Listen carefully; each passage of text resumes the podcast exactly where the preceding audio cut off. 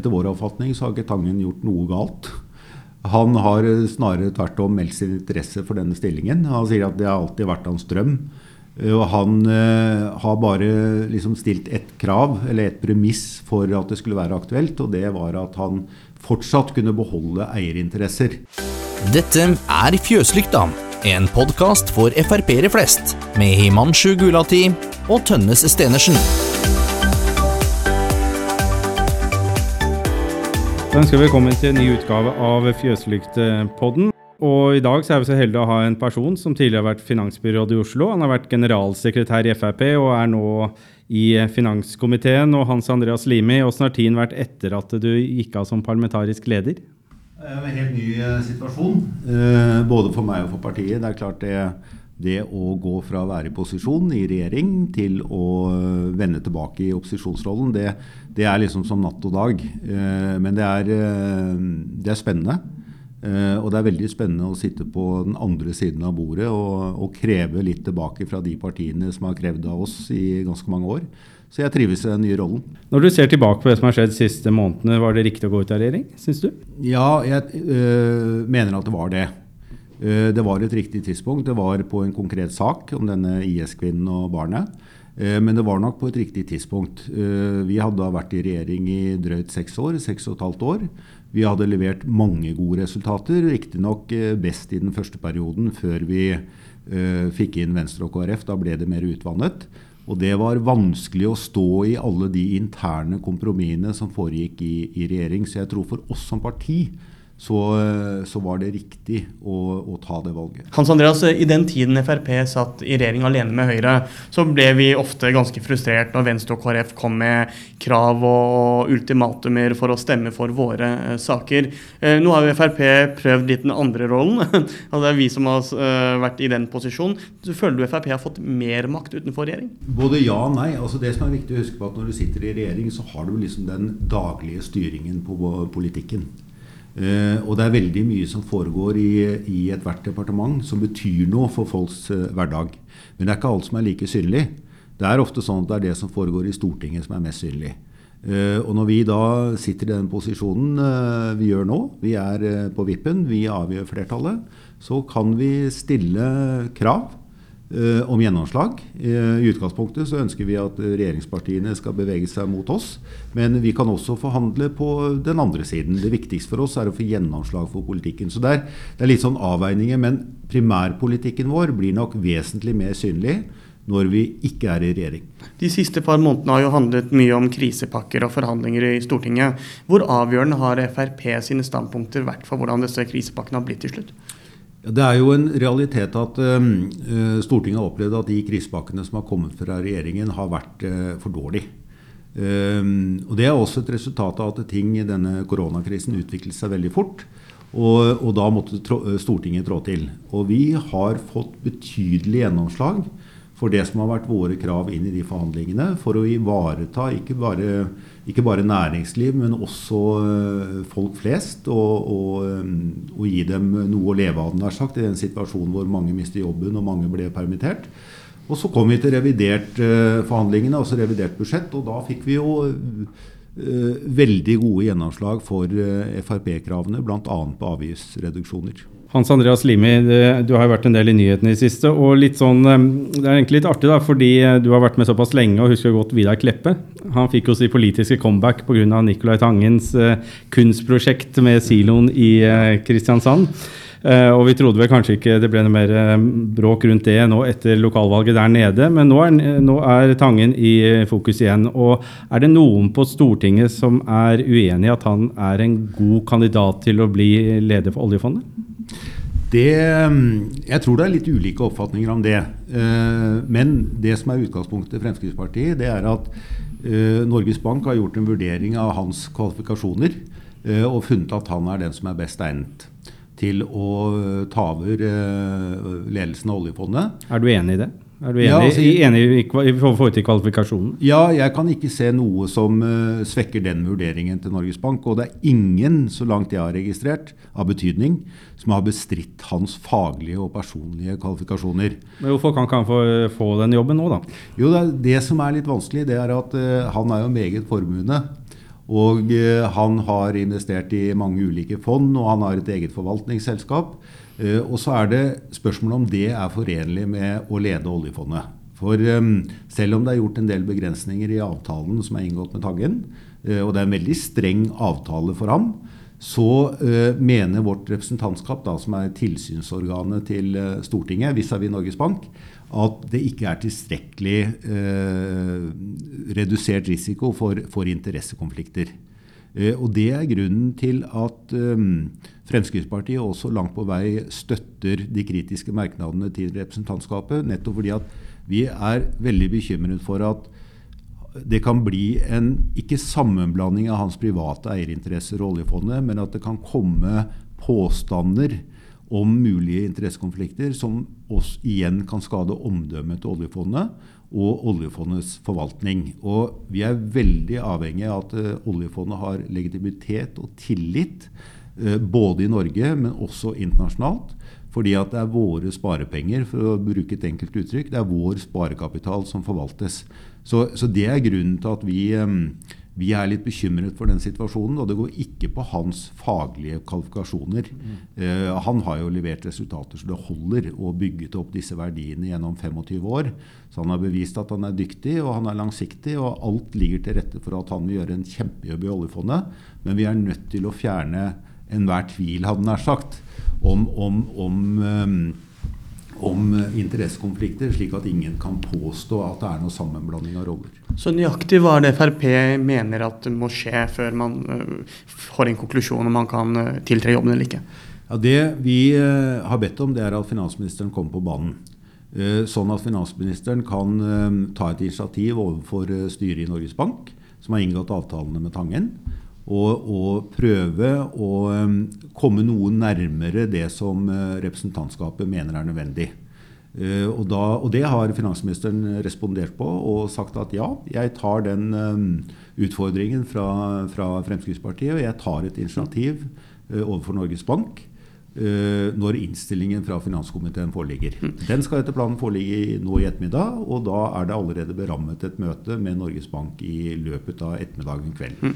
Og uh, er, Vi har jo en uavhengig sentralbank, og det har jo de fleste demokratier nettopp fordi pengepolitikken, renta, ikke skal følge politiske preferanser, men det som er riktig for økonomien.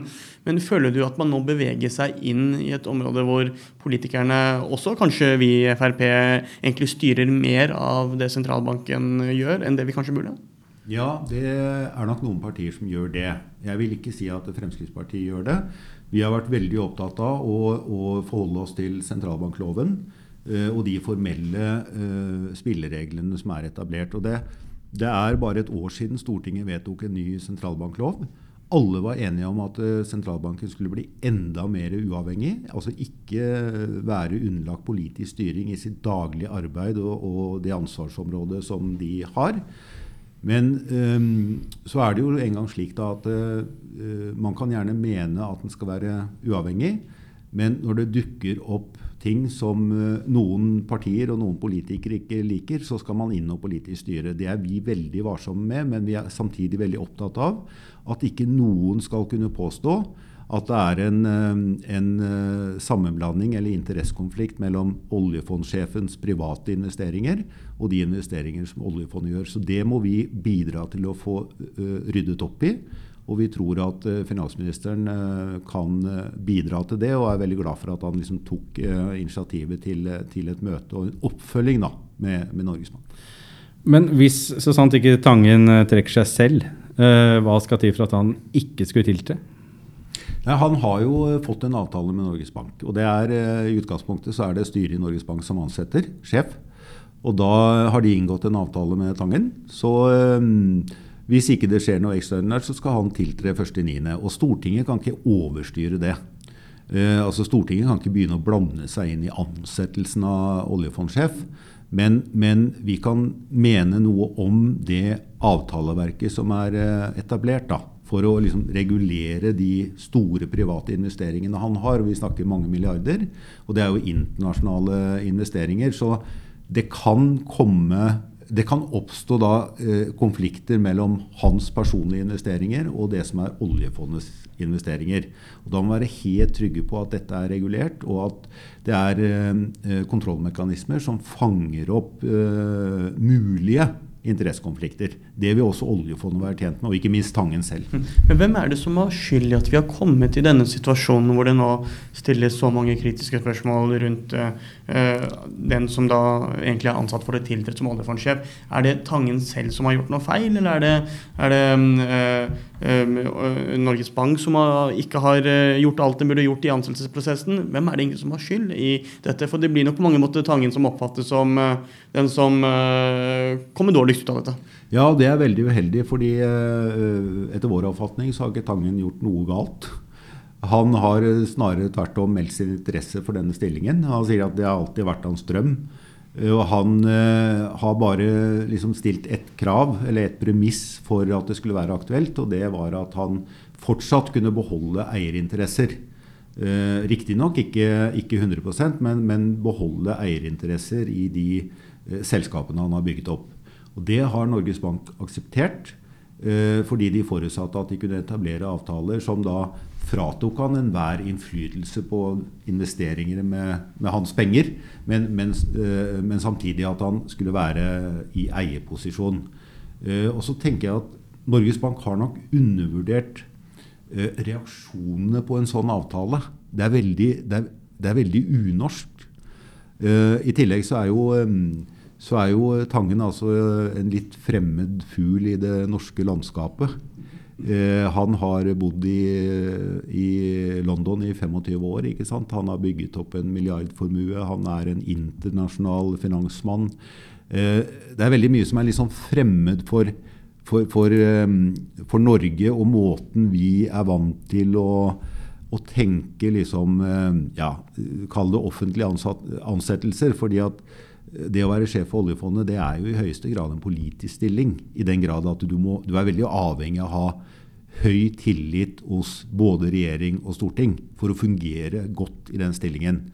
Uh, og der, uh, der, har Tangen en utfordring, nettopp fordi at han har alle disse kommersielle interessene da, ved siden av det å, å skal lede oljefondet. Men du sier det med beholde eiendom og beholde investeringene sine. Hva skal han gjøre da? Han kan jo ikke kvitte seg med dem? Nei, noen mener jo det. Mm. Noen, noen, mener at han må selge seg helt ut. Han må nesten gi bort uh, andelen sin i, i, dette forvaltningsselskapet som han har bygget opp, som er et partnerskap. Uh, og jeg, jeg, jeg, tror jo at det er helt utenkelig. Uh, fordi at, Og så er det noen som sier at Senterpartiet bl.a. at han ja, må kvitte seg med alt det som han har i utlandet, og så ta med seg alle pengene hjem til Norge. Ehm, men hvor skal han gjøre av disse pengene? Skal han investere på eh, Oslo Børs? Forstår du at, jeg Føler du at det er litt dårlig forståelse for eh, selve temaet blant en del politikere? Altså dette med investeringer, hvordan folk har investert pengene sine, hvordan, hvordan pengene på en måte er litt bundet også i forhold til om man rett og slett da skal ta opp mange av dem? Ja, jeg, jeg tror det er veldig manglende forståelse hos noen. Og jeg tenker at dette, dette er ikke uten videre lett å forstå heller. Eh, for det er veldig komplekst. Men eh, det som har vært utgangspunktet for eh, representantskapet, det er å eliminere enhver risiko. Og alle som har vært litt utenfor dette huset, altså utenfor Stortinget, vet at det er ikke mulig, ikke i noen virksomhet kan du eliminere risiko. Men du kan håndtere risiko, og det er et styreansvar. Og, og, Hovedstyret i Norges Bank har jo det ansvaret. Men det vi mener, Fremskrittspartiet, det er jo at det er fortsatt en for stor risiko for interessekonflikter. Eh, og av hensyn til oljefondet og vår sparekapital, så må vi ytterligere bidra til å redusere den risikoen. Og det ansvaret ligger hos Norges Bank, sammen med finansministeren. Eh, Hans Andreas, eh, vi er jo i den kanskje mest spesielle tiden noen av oss har opplevd i vår levetid, med en verdensomfattende pandemi. Eh, flere næringer som har vært stengt i perioder, mange næringer som fortsatt sliter. Hvordan tror du dette vil påvirke vår hverdag og norsk økonomi i tiden som kommer? Virkningen av, av koronakrisen og covid-19 tror jeg vil prege oss i lang, lang tid. Uh, og det er fordi at vi, vi har løst liksom det akutte. Vi har brukt mange hundre milliarder på å redde bedrifter og, og, og ansatte og, og, innført gunstige permitteringsregler og gjort veldig mye overfor bransje, ulike bransjer. Men fortsatt så er det en høy arbeidsløshet, og jeg tror at det er fortsatt noen bransjer som kanskje ikke har fått den, merket den akutte eller umiddelbare effekten av eh, covid-19, men som kanskje vil merke det mer utover høsten. Uh, og Det betyr at når vi skal inn i statsbudsjettforhandlinger nå, så skal vi uh, være veldig bevisste på det. Eh, det betyr bl.a. at det er viktig å få redusert avgiftene for å, å, å, redusere grensehandelen, som har vært lik null. nå når grensene er stengt. Men med en gang de åpner igjen, så vet vi at det er mange som vil dra over svenskegrensa for å handle både mat og sprit og tobakk. Eh, og da mener Fremskrittspartiet at det er ett virkemiddel som vi kan gjennomføre nå i statsbudsjettforhandlingene, og, og betydelig redusere eh, avgiftene på, på produkter som, som er utsatt for grensehandel. Så det er en rekke sånne tiltak. Det er ikke bare å bruke penger over statsbudsjettet, men det er også å redusere avgifter spesielt. Se på, på øh, skattenivået. For å gjøre det lettere både for, øh, for, innbyggerne våre, for folk flest og for bedriftene å klare seg gjennom en, øh, en veldig tøff periode. Jeg tror jeg tror ikke dette er noe som går over i løpet av året. Jeg tror vi kommer til å merke ringvirkningene av det som, eh, det som vi står oppi nå, i, i lang, lang tid framover. Men kan vi leve med, eller og har den norske staten råd til å kompensere at uh, flere titalls hoteller i byer uh, nærmest ikke har kunder, at uh, kultur- og underholdningsbedrifter ikke har noen oppdrag? hvor lenge kan vi egentlig holde på med at hjulene ikke er i gang? Nei, det, altså der, er jo, der er jo Norge veldig heldig som har oljefondet. Eh, så vi, vi, har liksom 10 eh, 000 milliarder på bok, vi, som vi da i teorien kan bruke. Men det er klart, vi, vi kan det, ikke Det viktigere med en god oljefondsjef, kanskje. Yep. Så kanskje vi trenger Tangen. Men, eh, men, vi kan jo ikke fortsette i det uendelige. Og vi må, nok, vi må nok også være forberedt på at det er en del bedrifter som ikke overlever. og det kan være bedrifter som i utgangspunktet hadde altså små marginer og som, ja, som, som, som sleit som da eh, går over ende som en følge av den krisa som kom. Men vi må prøve liksom å balansere det, for vi er jo ikke tjent med en sånn skyhøy arbeidsledighet. For det koster også staten masse penger. Så, eh, så vi, må, vi, må, liksom eh, bruke de virkemidlene vi har. Og jeg tenker at noe av det viktigste det er jo å se på hva kan vi gjøre på skattesiden f.eks.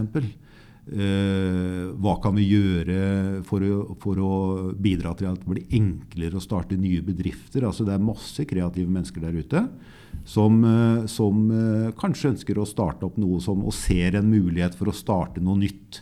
Og Da må vi forenkle regelverk og, og systemet og, og, redusere både på skatte- og avgiftssiden for å bidra til det. Og Vi så det samme skjedde når vi hadde, når vi hadde oljepriskrisen som kom i 2014. Eh, så så vi at eh, ja, det ble stor arbeidsledighet på eh, Sør-Vestlandet. Men etter hvert så så du også at det kom et skyhøyt antall nye bedrifter. fordi at det er de færreste som liksom syns det er greit å gå arbeidsledig. Og mange har ressurser. De har muligheter og ideer til å starte opp noe nytt, og de må vi hjelpe. Men det er klart, denne, denne koronakrisen er jo langt verre enn det vi opplevde i 2014 til 2016. Så, så det er ikke sammenlignbart. Men det er, det er, noe av det samme vi må stimulere til. Ja, og det, og det er spennende, Hans Andreas. For til slutt, vi, denne krisen har jo ikke vært krise for alle i næringslivet. Vi ser nettbutikker folk som har drevet med catering, utkjøring av mat. Det er mange, mange som har sett mulighetene mm. uh, og, og, faktisk gjort veldig bra i løpet av denne krisen. Prata med en som drev og solgte støvsugerposer på nett. Han har aldri hatt det så bra. Uh, og, og, da lurer jeg litt på helt til slutt, hva, hva ligger av god Frp-politikk for å stimulere og uh, gjøre at vi liksom får hjulene ordentlig i gang her nå? For det, det private næringsliv kan gjøre veldig mye. Det private næringsliv kan uh, i realiteten uh, gjøre alt. For det er, uh, det er, det næringslivet vi lever av. Og det er det som skaffer inntekter til staten. Så, så Derfor så mener Fremskrittspartiet at det aller viktigste vi kan bidra med, og det skal vi gjøre i når vi skal forhandle statsbudsjettet for neste år, det er, som jeg nevnte, dette med avgiftsreduksjoner, betydelige avgiftsreduksjoner. Det er jo spesielt for bedrifter, detaljhandlere, alle de som er som er utsatt for, for grensehandel. Eh, slik at eh, vi beholder den omsetningen i Norge og beholder de, styrker de arbeidsplassene i Norge. Det er det ene. Og så er det å se på hvordan vi kan stimulere på skattesiden. Altså bidra til at det blir mer fordelaktig å investere i nye, nye bedrifter, i, i gründerselskap. Der har, man, har, vi fått innført uh, fradrag for investeringer i oppstartsbedrifter. Vi kan øke det fradraget for å liksom ytterligere stimulere. Og det er jo mye kapital i Norge, privatkapital. Uh, og mer av den kapitalen må gå inn i nye bedrifter, kontra bare bli plassert i, i eiendomsinvesteringer. Så det er en sånn rekke tiltak for å liksom løfte eh, kreative mennesker som ønsker å starte opp noe og satse. Og det er akkurat som du sa, Tennes, det er veldig mange som har sett mulighetene i disse krisetidene. Eh, og utviklet ny business. Og jeg tenker alt som skjer på nettet uh, i og med at de fleste har måttet sitte hjemme og holde seg litt i ro, og det er ikke så lett å vandre rundt i butikker og liksom eh, prøve klær og den type ting, så da er det muligheter for å øke netthandel. Og fortrinnsvis da at det er norske, norske, firmaer som gjør det. Så, um, så, vi skal stimulere så langt vi kan. Uh, og så kan, ikke, så kan, vi ikke, bidra i det uendelige, men vi må legge til rette for at det er flere som liksom får muligheten til å realisere spennende ideer. da. Så det blir en uh, krevende og spennende høst når vi skal sette oss ned rundt forhandlingsbordet, se statsbudsjettet fra regjeringen. Uh, og vi driver og jobber med våre, våre, innspill og krav nå i disse dager. Og så uh, får vi se hva vi får gjennomslag for. Men det å, å satse på, på, næringslivet og bedriftene, det er, det er alltid viktig, men det er enda viktigere nå enn i en normalsituasjon. Hans Andreas Limi, tusen takk for at du var med på Fjøslyktpodden. Og vi ønsker deg lykke til både med Tangen-saken-håndteringen og ikke minst forhandlingene om statsbudsjettet nå til høsten. Takk for det.